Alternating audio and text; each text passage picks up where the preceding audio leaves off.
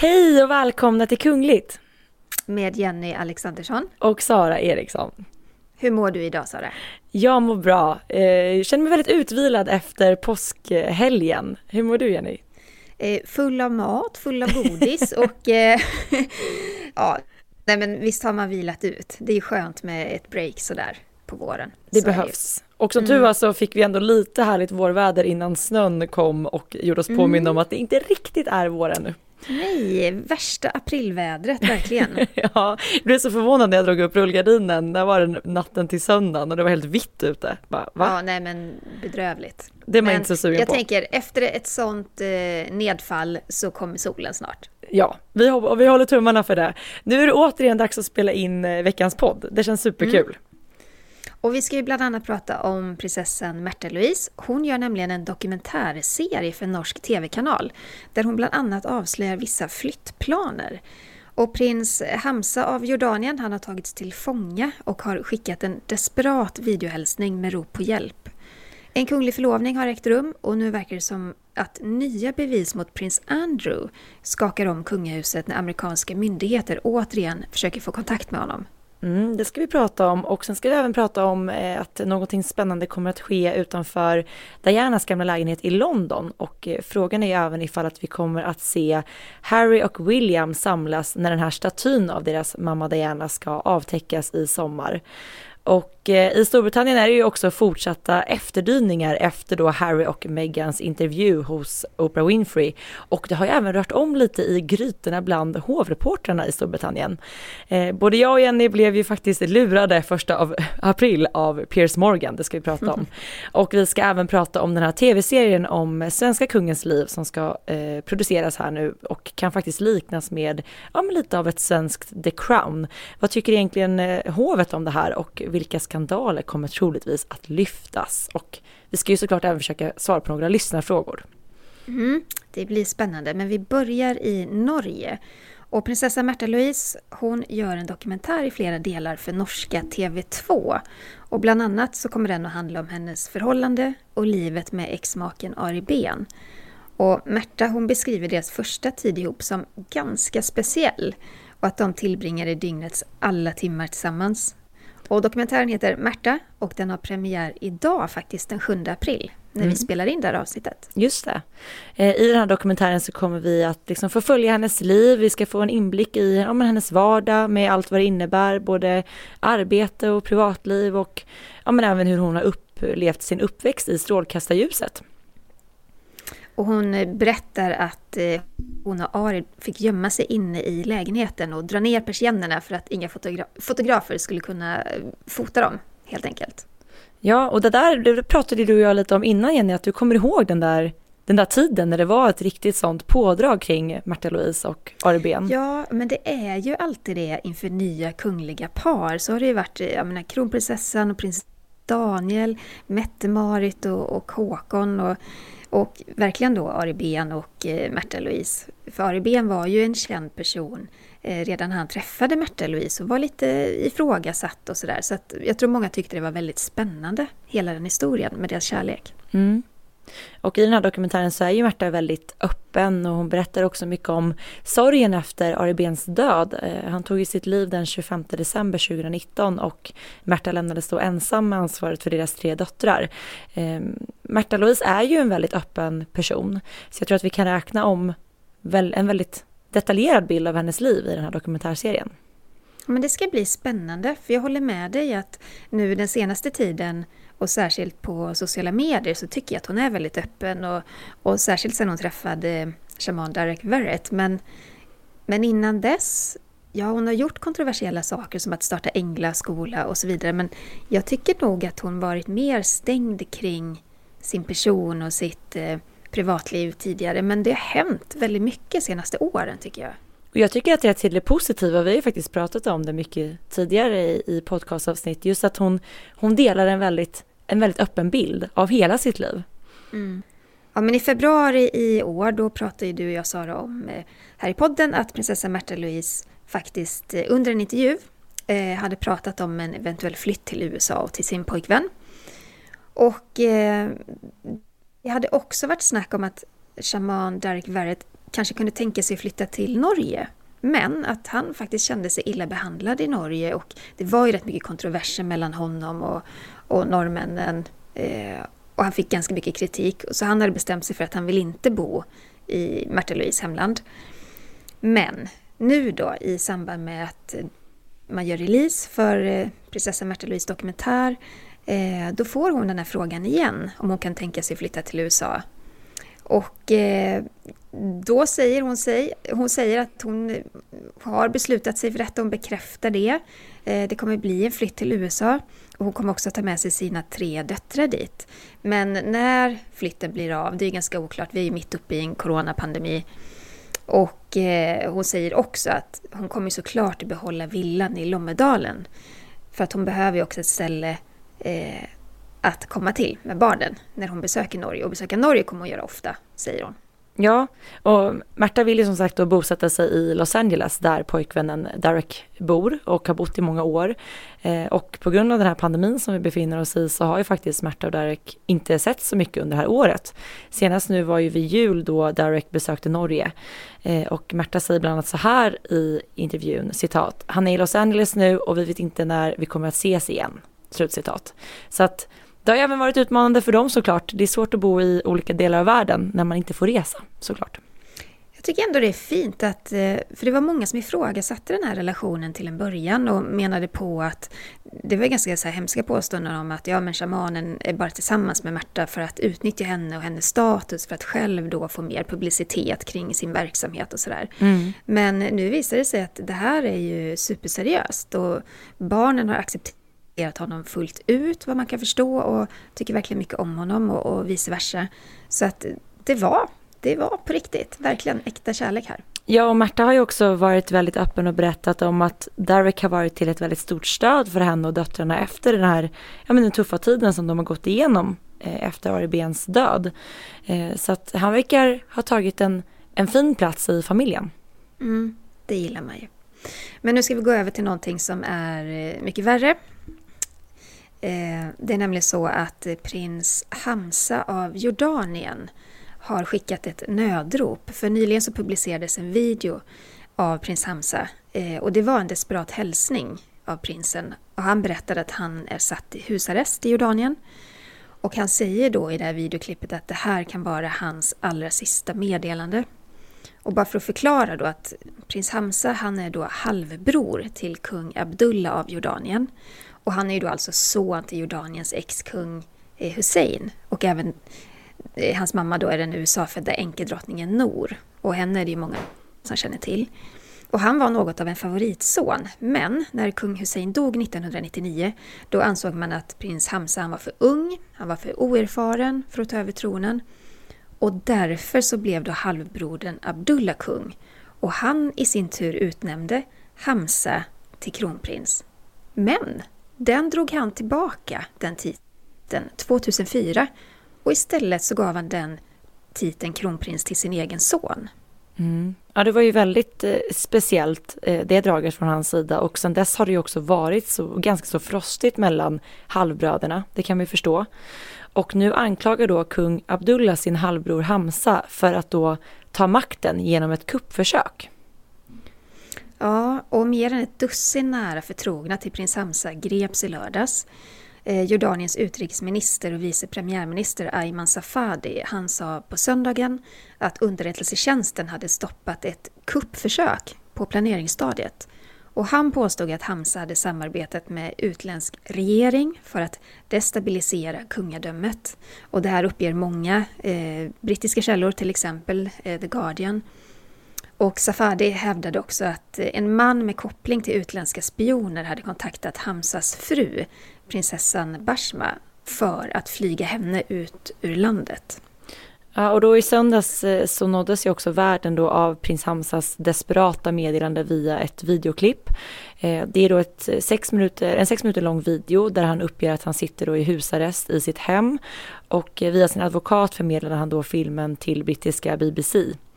Och han säger i den här videon att han vill förtydliga att han inte deltar i någon konspiration eller skamlig organisation eller utlandsstödd grupp. Och eh, han säger att det alltid hävdas så i Iranien när han eh, när någon talar ut, att det är det man trycker på då. Och han riktar då skarp kritik mot sin halvbror kung Abdul eh, och säger att, citat, han är inte ansvarig för regeringens sammanbrott, eh, för korruptionen eller för en inkompetens som varit förhärskande i vårt styre de senaste 15 till 20 åren och har blivit värre det senaste året. Slutcitat. Det är ganska skarpa ord. Det är ganska skarpa. Han kallar liksom och, dem för en inkompetent styrelse i 15 ja, till 20 verkligen. år. Ja. ja, och att regeringen har, har liksom ett sammanbrott. Och att han inte är ansvarig för det. Ja, eh, han, han säger också i det här videoklippet att nu har det kommit till en punkt där ingen kan uttrycka sin åsikt om någonting utan att bli förföljd, gripen, trakasserad och hotad. Och eh, han berättar vidare att en högt uppsatt militär kom hem till honom på söndagsmorgonen. Och då fick han veta att han får inte lämna sitt hem. Och han får endast umgås med sin familj, inte använda Twitter, inte kommunicera med andra människor. Och hans telefon stängdes av och även internet. Ja, så att den här videofilmen då, den spelades ju in via en satellittelefon. Och eh, prins Hamza säger i videon att det här är hans sista sätt att försöka kommunicera och att även satellittelefonen kommer att stängas av så att det här förblir hans sista meddelande. Och det, är, det är en väldigt speciell situation. Eh, prins Hamzas mamma då, drottning Nour, hon är väldigt aktiv på Twitter. Och hon skrev ganska snabbt eh, något slags försvarstal kan man väl säga till, eh, för sin son och hans vägnar. Hon skriver så här, citat. Ber för att sanning och rättvisa ska segra för alla oskyldiga som fallit offer för detta elaka skvaller. Slutcitat. Mm. Och då kan man ju liksom se på omvärlden vad, vad, som händer kring det här. Och faktum är att de flesta länder de har ju ställt sig då på kung Abdullahs sida. Eh, samtidigt är det experter som menar att det är omöjligt att genomföra en kupp om man inte har militären med sig. Och det, det har inte prins Hamza. Eh, och andra menar då att kung Abdullah han fick nog då när prins Hamza antydde att han skulle kunna vara ett alternativ till tronen. Så att det här är ju en maktkamp och som säkert har pågått ganska länge tills då kung Abdullah bestämmer sig för att agera helt enkelt. Men frågan är vad, vad som blir liksom nästa eh, skede i det här. För att nu sitter han då i husarrest. Eh, han kan inte kommunicera med omvärlden. Eh, vad som blir nästa steg, vad som kommer att ske. Det kommer vi givetvis att hålla koll på och hålla er uppdaterade om här i podden. Mm, absolut. Vi går över till någonting mycket trevligare. För i veckan så fick vi glädjande kärleksnyheter. Det luxemburgska hovet meddelade att prins Louis av Luxemburg, han har förlovat sig med juristen Scarlett Lauren nu har jag problemet efternamnet. Sergui. Serge? Serge? Kanske? Sergui. Jag tror man säger som nästan Siri. Sergui. Scarlett Lauren Sergui. Ja, fint. Bra. det är det här med namn. Jag är på din sida. Det brukar vara jag som håller på så här. Ursäkta. Prins eh, Louis, han är i alla fall, så alla vet, han är storhertigparet eh, Henri och Maria Theresas yngsta son. Och eh, han har varit gift tidigare med Tessie Anthony som han träffade under ett besök i Kosovo där Tessie då var en del av en fredsbevarande styrka från FN. Just det, och de fick ju ett barn tillsammans innan de gifte sig.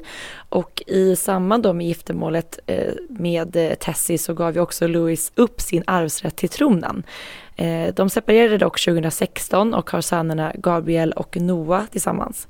Och i ett pressmeddelande från hovet så skriver då storhertigparet att de här båda sönerna glädjer sig åt beskedet. Och vi såg även hur exfrugan då Tessie delade eh, ett eh, grattis på Instagram via Instastory i samband med att deras förlovning blev offentlig.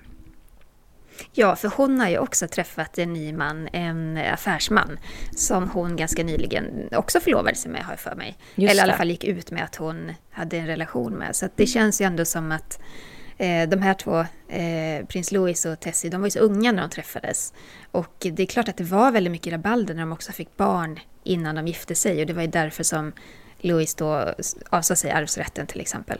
Men det är så himla fint att se att eh, det händer bra saker. Även om man separerar och eh, skiljer sig så har båda då hittat nya kärlekar helt enkelt.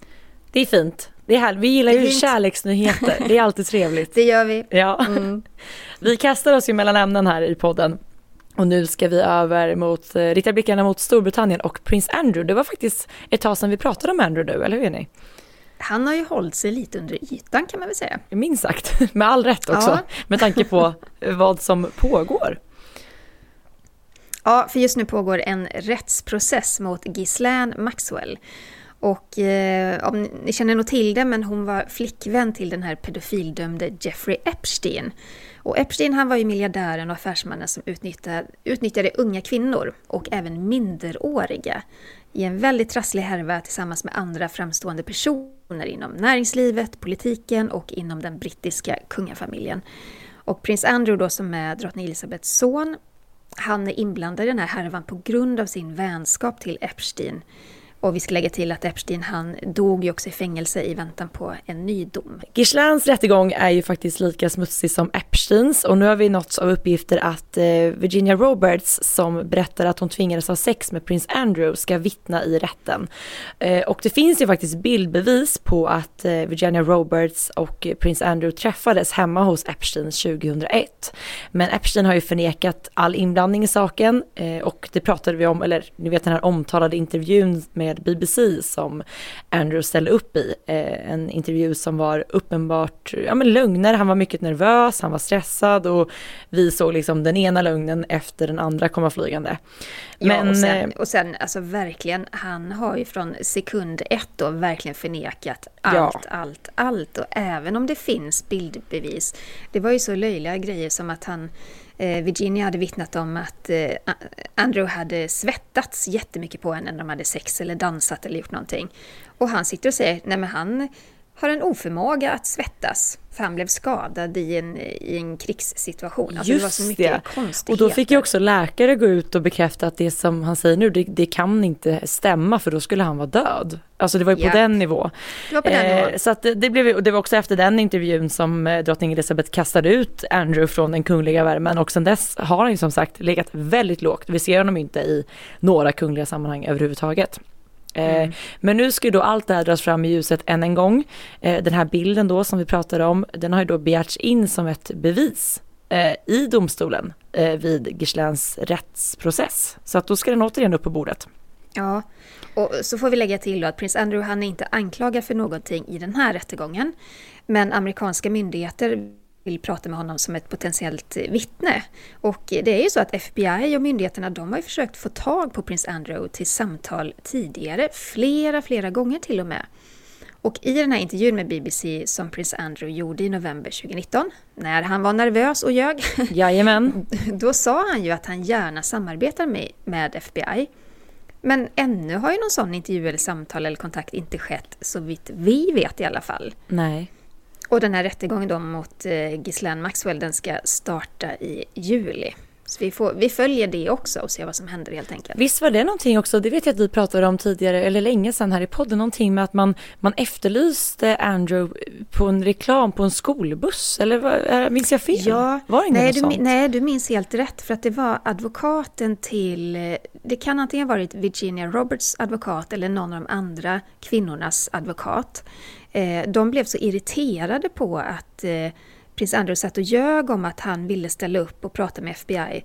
Och FBI kontrade hela tiden med att de har fortfarande inte fått hört ett ljud ifrån prins Andrew. Så då tejpade de, alltså de tapetserade ju en hel stor skolbuss med bilder på prins Andrew. De skrev så här, “Have you seen this man? Contact FBI” eller något sånt där. Just och så körde de runt med den i London. Och jag menar, jag ja. kan tycka att det var ju ett väldigt effektivt sätt liksom att få uppmärksamhet till, till det som pågår. Jag tror inte att prins Andrew var lika road. Nej, jag tror inte att det var någon kanon-PR för brittiska hovet som då hade varit Nej. i den här Andrew-stormen eh, och fortfarande är ska sägas. Nu dras det ju här återigen upp till ytan med all rätt eh, och vi får mm. väl se nu om eh, Andrew faktiskt kommer att komma till tals. Eh, det kan man ju tycka är på sin plats. Ja, han borde ta sig i kragen och faktiskt eh, ta kontakt med FBI. Berätta vad han vet. Mm. Det är mm. dags. Det är dags. Den statliga myndigheten English Heritage meddelar nu att de planerar att placera en så kallad eh, blå platta utanför Dianas lägenhet vid eh, Colhern i Colin Court i London. Det är den här lägenheten som Diana bodde i tillsammans med, tror jag var tre tjejkompisar innan giftermålet med Charles 1981.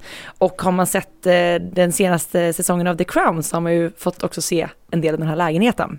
Ja, men just det ja. Mm. Eh, och den här blåa plattan, eller Blue Plaque som den kallas, eh, det är en skylt som placeras på en offentlig plats i Storbritannien eller någon annanstans för att hylla och tydliggöra länken mellan platsen och en berömd person.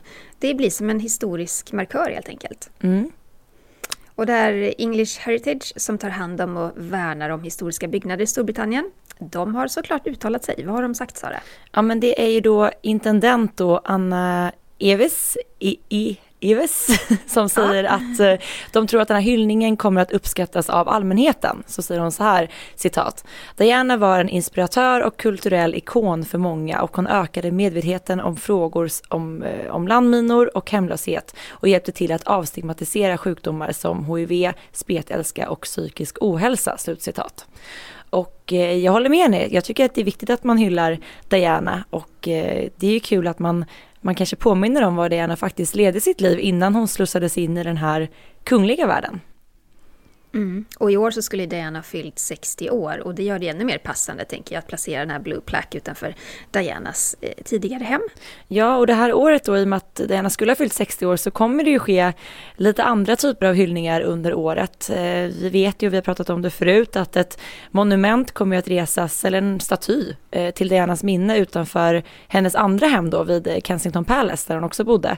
Eh, och den ska då resas till hennes minne och det här är någonting som både William och Harry, alltså hennes söner, eh, ligger bakom och har väldigt på om att de vill att det ska finnas en staty av deras mamma där. Och eh, tanken är ju att den ska avtäckas på Dianas födelsedag den första juli. Eh, och troligtvis blir det väl också första gången som Harry och William kommer att träffas då efter den här omskakade tiden. Framförallt då efter den här omskakade intervjun som de gjorde hos Oprah. Ja, och Harry och William de har ju varit delaktiga i processen och har i nära samarbete med skulptören Ian Rank Broadley samarbetat och godkänt hans arbete med statyn helt enkelt. Det är klart att det är lite, det är viktigt att det blir som de har tänkt sig. Det är ändå deras mamma som ska, eh, ska stå som en stor staty utanför hennes hem. Så där vill man ju såklart vara med i detaljerna. Mm. Eh, det är känsligt med det där oavsett. Jag kommer ihåg när jag var på det här vaxkabinettet eh, Madame Tussauds i London. Eh, där man har då hela kungafamiljen finns ju såklart i Storbritannien. Och då var liksom Diana bortflyttad från övriga kungafamiljen och stod liksom som ensam i ett hörn inne på Madame Tussauds. Och jag kommer ihåg när jag var där hur liksom alla besökare blev väldigt upprörda över det här. Men har de inte flyttat på eh, prins Harry och eh, Meghan också? Jo, visst har man läst det någonstans, att de också ja. är bortplockade från, från kungafamiljen. Då kan vi hoppas att de nu är placerade bredvid Diana, för jag tyckte det var så hemskt att hon stod där helt ensam.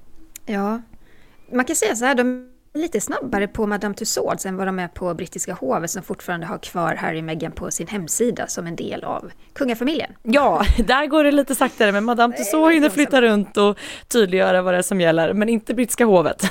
Nej, men Sara, det här leder oss in på veckans Harry och Meghan.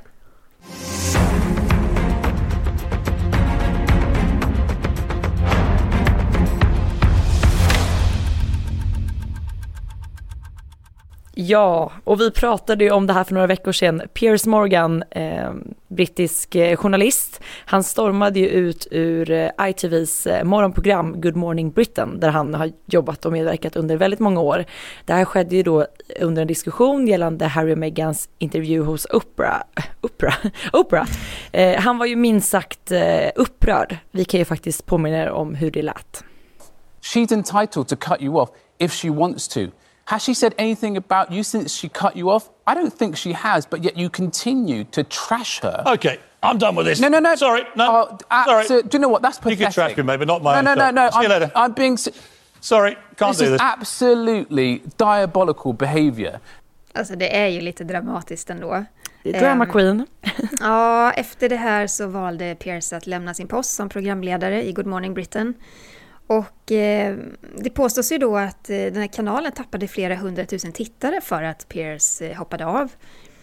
Och första april så var det ju inte bara vi två som gick på ett aprilskämt från Piers Morgan. För han skrev nämligen på Instagram så här. Citat. Efter ärkebiskopens uttalande gällande Megans påstående att paret vigdes tre dagar innan det officiella bröllopet kommer jag nu ta tillbaka mitt jobb på ITV. Vi ses på måndag. Slutcitat. Och då började både jag och Jenny höra av oss till varandra och sa, har du sett att Pierce ska återgå till ITV? Vad är det som mm. händer? Eh, men sedan dagen efter så publicerade Pierce det här klippet på sitt Twitterkonto. Okay, it's gone midday, so I can tell you now that I'm not actually going back to Good Morning Britain. That was just a little April Fool's joke. Ja, det var som sagt ett aprilskämt. Men Piers kritiska röst gentemot Meghan och Harrys intervju, den har ju faktiskt satt snurr på en hel del frågor. Och Piers deltog i det amerikanska programmet Tucker Carlson hos Fox Nation. Och där sa han bland annat så här. I still don't believe what they were saying. And in particular, I don't believe what Meghan Markle said. 17 different claims by the pair of them have now been proven to be either completely untrue or massively exaggerated or unprovable. I didn't believe Meghan Markle. Uh, a huge furore erupted through the day. Uh, I was an outrage. Uh, I wasn't allowed to have an opinion. Han har ju väldigt mycket åsikter den där mannen, eh, både för och nackdelar givetvis och eh, det här som han nämner gällande eh, Harry och Meghans lögner och eh, överdrifter hos Oprah. Det har ju faktiskt vi också pratat om i tidigare avsnitt. Så att är du som lyssnar intresserad av att höra mer om det så kan ni lyssna på avsnittet som heter Sprickan mellan Harry och William växer. Det publicerade vi den 19 mars. Där redogör ju vi faktiskt för vad som är sant och falskt i den här intervjun. Mm. Det kom också en nyhet kring Harry och Meghan att eh, nu vet vi faktiskt vad deras första tv-serie för Netflix kommer att handla om. Och det är en dokumentär i flera delar som fokuserar på krigsveteraner som ska tävla i Invictus Games i Haag 2022. Och serien heter Heart of Invictus och den kommer även följa människor som är med och organiserar tävlingen, alltså inte bara de som är med och tävlar. Och samt prins Harry som ju grundat Invictus Games Foundation och Harry han är då exekutiv producent för serien och kommer som sagt även att synas framför kameran. Det här var ju spännande men lite milt också, eller hur? Ja, alltså han säger så här i ett uttalande, prins Harry, att sedan det allra första Invictus Games 2014 vet vi att varje deltagare i tävlingarna bidrar på sitt eget exceptionella sätt till en mosaik av motståndskraft, beslutsamhet och problemlösning. Och jag kan väl känna att det, det kanske var lite förutsägbart och väldigt ofarligt och väldigt, det är inte alls kontroversiellt på något sätt att göra en sån här eh, tv-serie. Eh, frågan är liksom hur många tittare kan den få? Mm. Eh, tittar folk för att eh, det är just Harry och Meghan som har producerat det här eller kan det vara, finns det en story där som är, som är spännande och fängslande? Och kan de följa upp jag menar, vad hände till exempel med deras podcast som de slog på stora trumman med på Spotify? Det skulle vara en fantastisk podd och den skulle komma regelbundet 2021. Men än så länge, hjälp mig här nu Sara, än så länge så har det väl bara varit ett enda premiäravsnitt och det var i december förra året. Ja, precis. Och det var ju också det som, det har vi också pratat om här i podden och man fick höra Archies röst där i, i nej det var i, i teasern kanske, men det var ett avsnitt där de bjöd in olika gäster eh, som sagt och det har vi också pratat om, men därefter så har vi faktiskt inte sett något mer avsnitt publiceras. Så att jag vet inte om det har klingat av lite eller vad som har hänt där. För att som du säger, det var ju verkligen stort att paret skulle starta podd och mm. ja, men som jag fattade skulle det vara någonting som skulle släppas kontinuerligt. Reg, ja men verkligen. Men vad tror du om den här tv-serien då? Ja, alltså som du säger och inne på så känns det som att den kanske kommer få ganska så stor uppmärksamhet just för att det är parets första och vi kommer ju absolut vara intresserade till exempel hur mycket privat som sipprar igenom och vad man faktiskt får se av, av paret själva. Eh, kanske är det smart av dem att börja lite så här lugnt och sansat. Sen får vi se kanske vad de har för planer framöver med Netflix. Som vi förstått så är det ett ganska så stort avtal som sträcker sig över en lång tid. Så att det här är nog inte det, det må vara det första men det är inte det sista de gör för Netflix. Nej, och det följer mycket det uttalande och liksom den programförklaring de gav också i samband med att de eh, berättade att de har ett avtal med Netflix, att det skulle vara just eh, att de skulle så här, eh, belysa och ge röst åt människor som inte kanske hör så mycket i vanliga fall i det offentliga och sådär. Så att visst, jag, jag förstår det absolut. Ehm, det ska bli spännande att se. Men jag tror att eh, drottning Elizabeth sätter sig till ro eh, på Windsor Castle och tycker att det är skönt att det inte är något mer dramatiskt som ska eh, publiceras på Netflix. För att det, det vet man ju faktiskt inte vad de har haft i åtanke.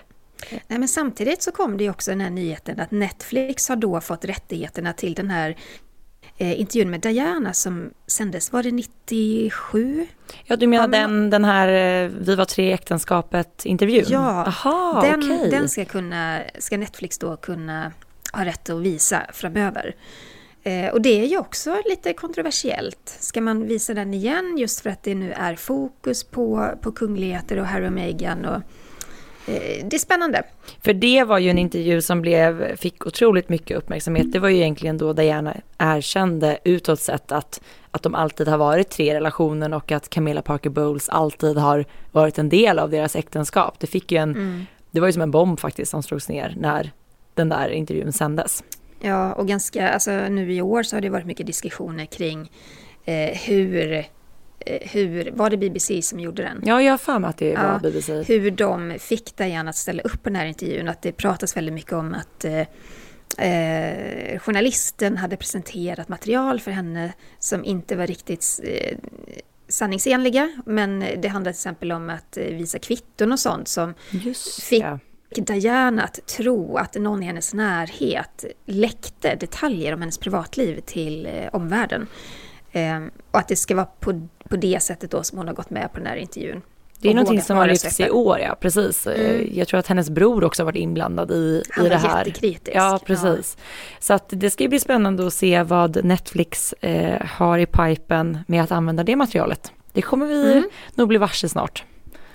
Det blir vi varse snart. Men ja. vi ska gå över till en annan eh, tv-produktion. Just det, vi är mycket tv här nu. mm, för några veckor sedan så meddelade Seymour och TV4 att de skapar en dramaserie om Karl den 16 Gustavs uppväxt. Och det är då resan från tronarvinge till livet som kung. Och serien skrivs av Åsa Lans som säger så här i ett uttalande. Eh, andra kungar och drottningar sägs ha påverkat världshändelserna. Vår kungs historia är en annan. Mindre stor, storslagen och känd, men minst lika dramatisk och fascinerande och för många av oss helt okänd. Slutcitat. Ja men det här blir väl helt klart en serie som kanske inspireras lite då av The Crown, lite samma, samma känsla. Mm.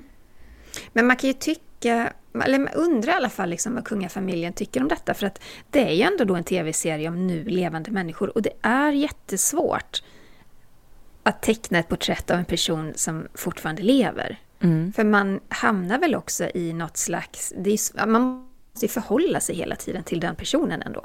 Ja, vi vet ju också att vår kung, eh, han ogillar ju skarpt när hans barn dras in i den här typen av eh, medial uppmärksamhet. Eh, och det kan mm. man ju tänka sig att de kommer att göra i och med att, att den här serien ändå ska beröra hela hans liv, ända fram till nutid om jag har förstått det rätt.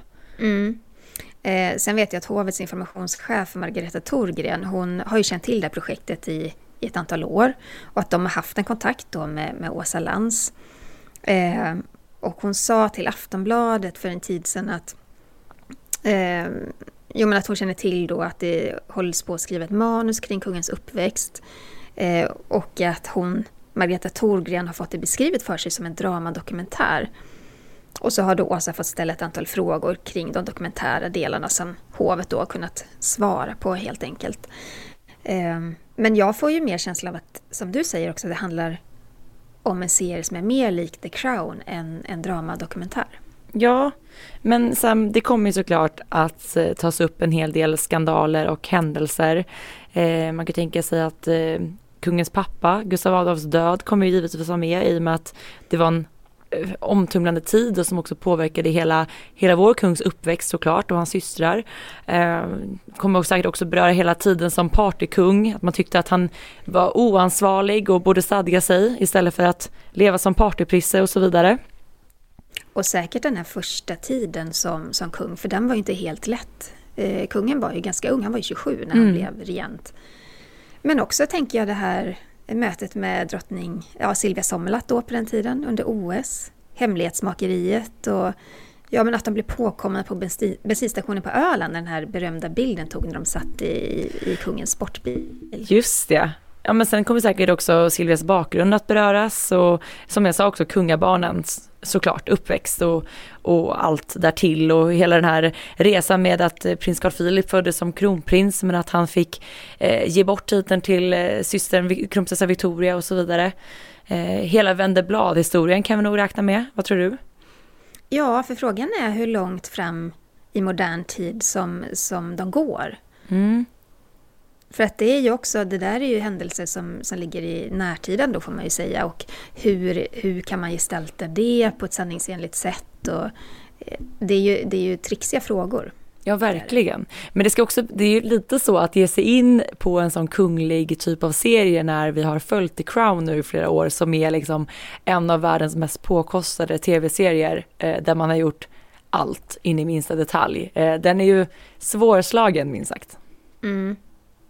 Ja, vi får se vad det, vad det blir av detta. Men det dröjer väl något år eller två tänker jag innan, det, innan man kan se det på tv. Det ska bli spännande. Mm. Verkligen. Vi går över på lite lyssnarfrågor. Eh, Haga Sofia, hon undrar så här. Och det har faktiskt koppling, vad roligt, det har koppling till den här tv-serien.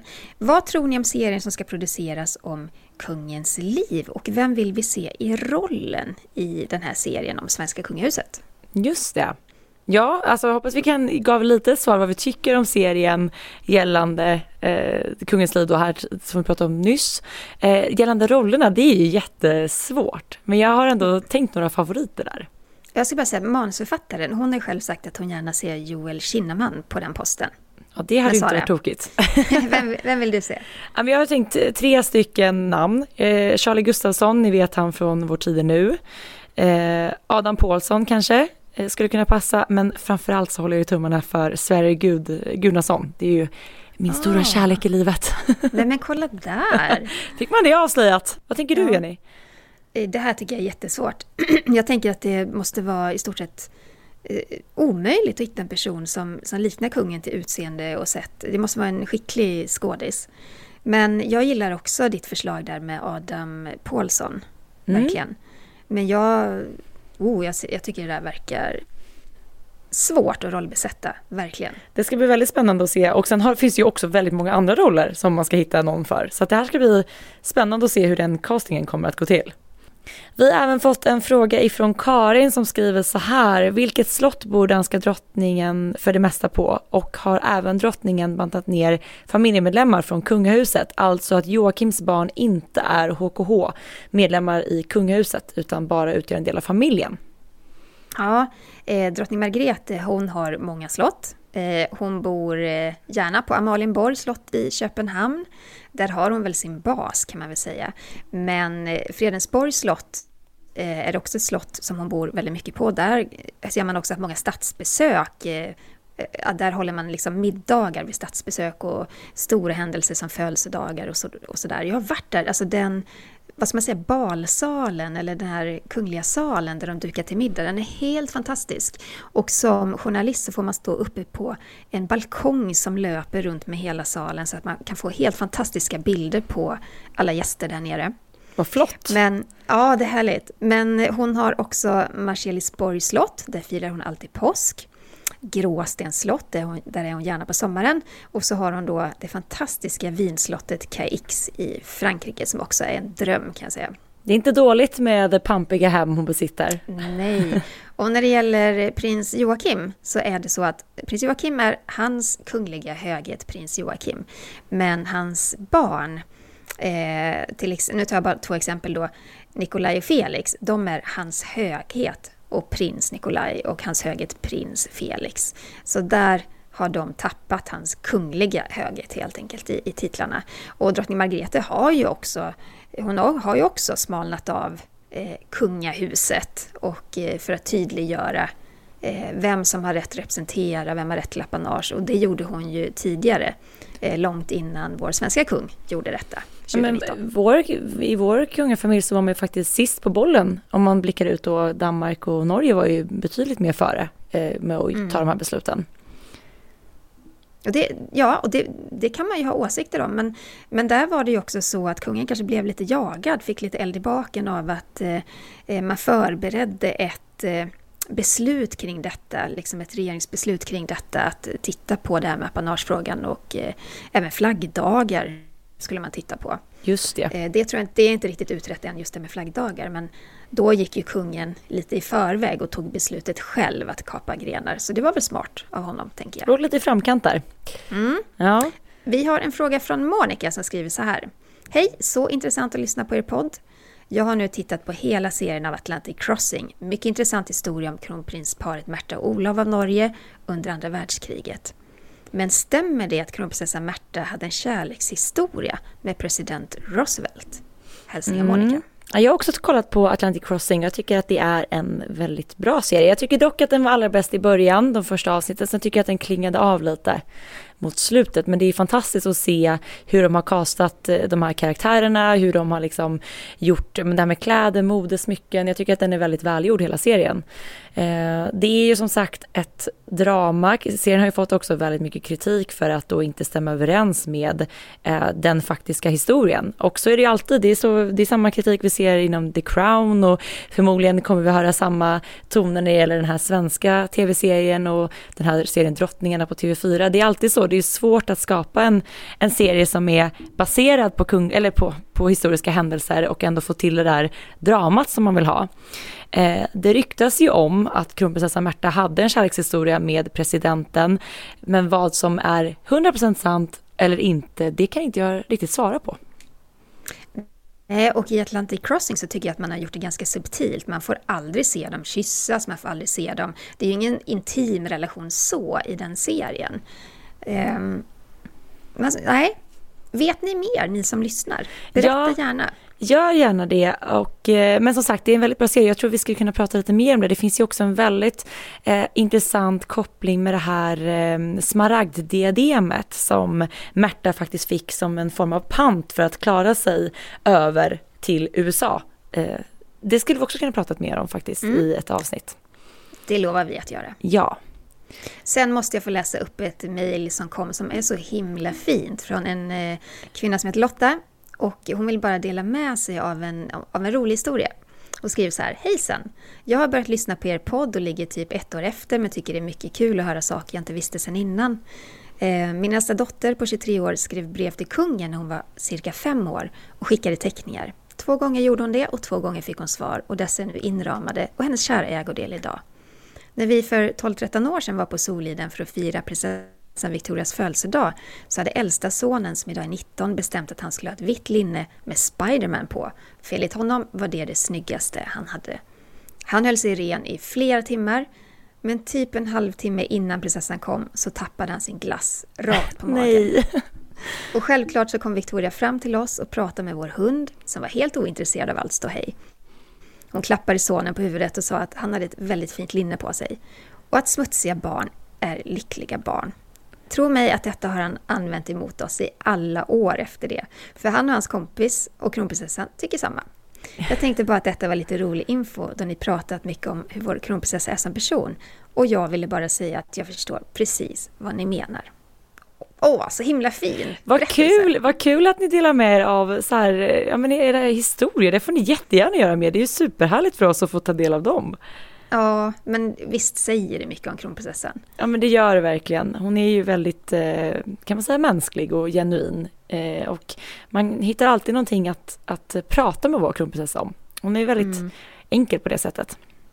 Verkligen, det håller jag med om. Skicka gärna in fler historier till oss och även fler lyssnarfrågor. Vi blir jätteglada när ni är, ni är otroligt engagerade alla ni som lyssnar.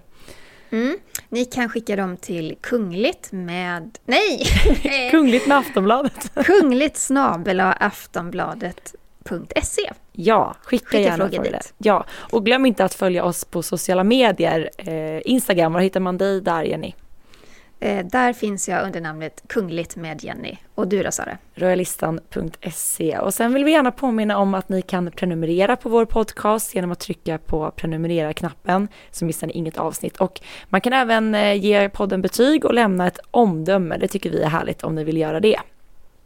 Gör det. Och tack snälla för att ni lyssnat idag. Ha en trevlig helg. Hej då! Hej då!